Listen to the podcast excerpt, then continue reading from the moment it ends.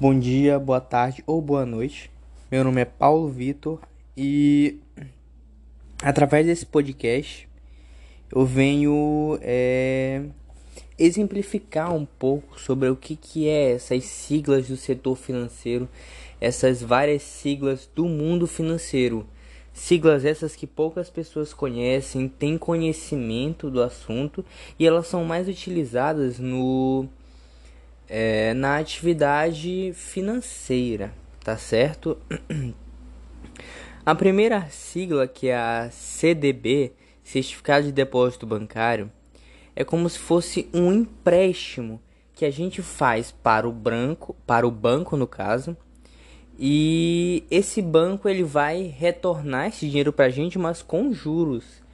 Esse é basicamente é, o, CB, o CDB o certificado de depósito bancário. Eu, Paulo Vitor, vou fazer um empréstimo para o banco, por exemplo, de mil reais. Eu vou fazer um empréstimo para o banco e dentro de dois, três, quatro, cinco meses, dentro de x meses, eu, eu vou receber esses mil reais mais juros. Por exemplo, você vou receber mil duzentos reais, que são os mil reais, tá? Que eu emprestei mais duzentos reais de juros. Esse é o empréstimo de CDB. A gente também tem o, o empréstimo, o, a sigla CDI. O que, que é o CDI? Certificado de Depósito Interbancário. Que é um, o que, que é isso, Paulo? Isso é um empréstimo que o banco faz a, a outros caixas, tá? A outros bancos que estão com pouco é, dinheiro, estão com pouco recurso monetário. Por exemplo, tem uma, um caixa um banco da caixa que ele tá com bastante recurso e tem outro que não tá, que, que ou tem ou por exemplo, se tem um, é, um banco da caixa, só um exemplo, um banco da caixa que tem muito dinheiro e tem outro que um banco do, do Banco do Brasil, por exemplo, que não tem nada em é, em seu caixa porque muitas pessoas sacaram e tal, fizeram muitos saques o banco do, da Caixa, o primeiro que tem muito, que, é, que tem muito recurso, ele vai emprestar para o Banco do Brasil, tá? Vai fazer esse empréstimo para que o Banco do, do Brasil não fique sem nenhum dinheiro, sem nenhum recurso, tá? E aí vai fazer esse empréstimo e esse banco ele vai ter que devolver, o Banco do Brasil que pegou emprestado vai ter que devolver pro, pro Banco da Caixa e ainda vai ter que devolver é, é, com a taxa do CDI. O que, que é isso? Por exemplo, o Banco do, do Brasil pegou 5 mil reais de empréstimo, vai ter que devolver todo esse empréstimo mais a taxa do CDI. Tá certo? Vai ter que devolver todo o dinheiro emprestado mais a taxa do CDI para o banco do da Caixa que fez esse empréstimo. A gente também tem a sigla é, do Selic. O Selic é a taxa básica da economia, que é essa taxa básica é definida a cada 45 dias. E a taxa do Selic é ela é que vai determinar se o CDI, que eu acabei de falar, o certificado de depósito interbancário, ela é que vai definir se a taxa do Selic aumenta, o CDI aumenta. Se ele continua estável, o CDI continua estável. E se a taxa do Selic é, cai, consequentemente o CDI também cai. Então, a, o CDI ele acompanha a taxa Selic. Também a gente tem a sigla LCI, que é a letra de crédito imobiliário. O que, que é isso? São empréstimos para bancos mas o banco ele empresta dinheiro para uma, uma iniciativa imobiliária, certo? Que não paga imposto de renda. Como assim, Paulo? Por exemplo, é como se fosse um CBD, tá? Mas no caso é é como se fosse, por exemplo, tem um banco, o Banco da, do Brasil.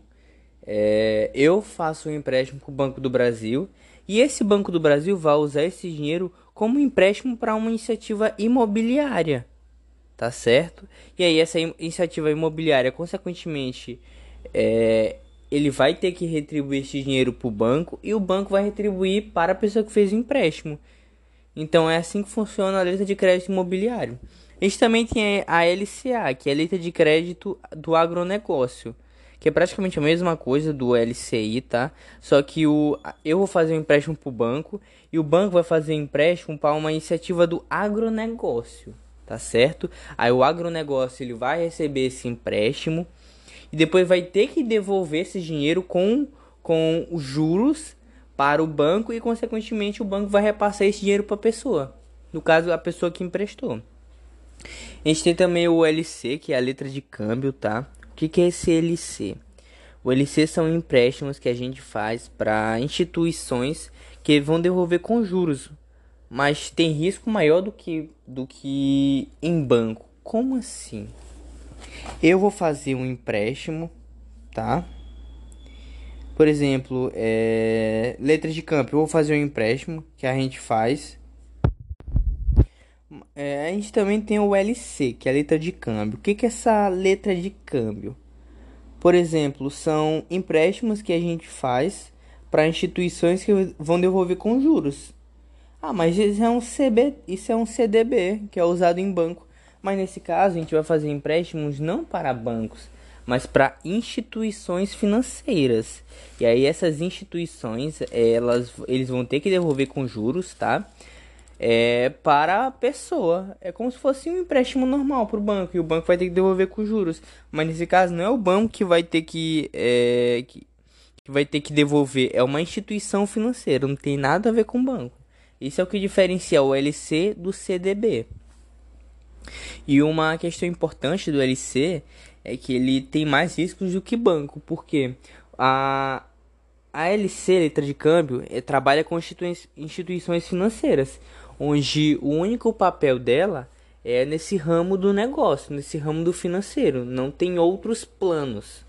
O banco não, ele trabalha com agronegócio, é, ele trabalha com iniciativas imobiliárias, com vários outros planos que é, com vários outros planos que podem garantir esse empréstimo da melhor forma. A gente tem também o, o FGC. O que, que é o FGC? É o Fundo Garantidor de Crédito. Ou seja, a instituição privada sem fins lucrativos como salvação. Caso algum banco que você fez empréstimo quebre, você pode ir lá res ser ressarcido. Como assim? Tem um Banco do Brasil. Eu gosto de dar esses exemplos de bancos e tal para a pessoa entender melhor. Tem o Banco do Brasil eu tenho um Banco do Brasil, certo? Aí eu vou fazer um empréstimo pro, pro Banco do Brasil, vou botar lá 10 mil reais. Eu quero que renda no banco. Vou botar lá 10 mil reais, tá tudo certo. Só que por algum motivo esse banco tava caminhando de forma de forma ruim, vamos dizer assim. Não tava muito bem, não tava rendendo nada e aí o banco faliu.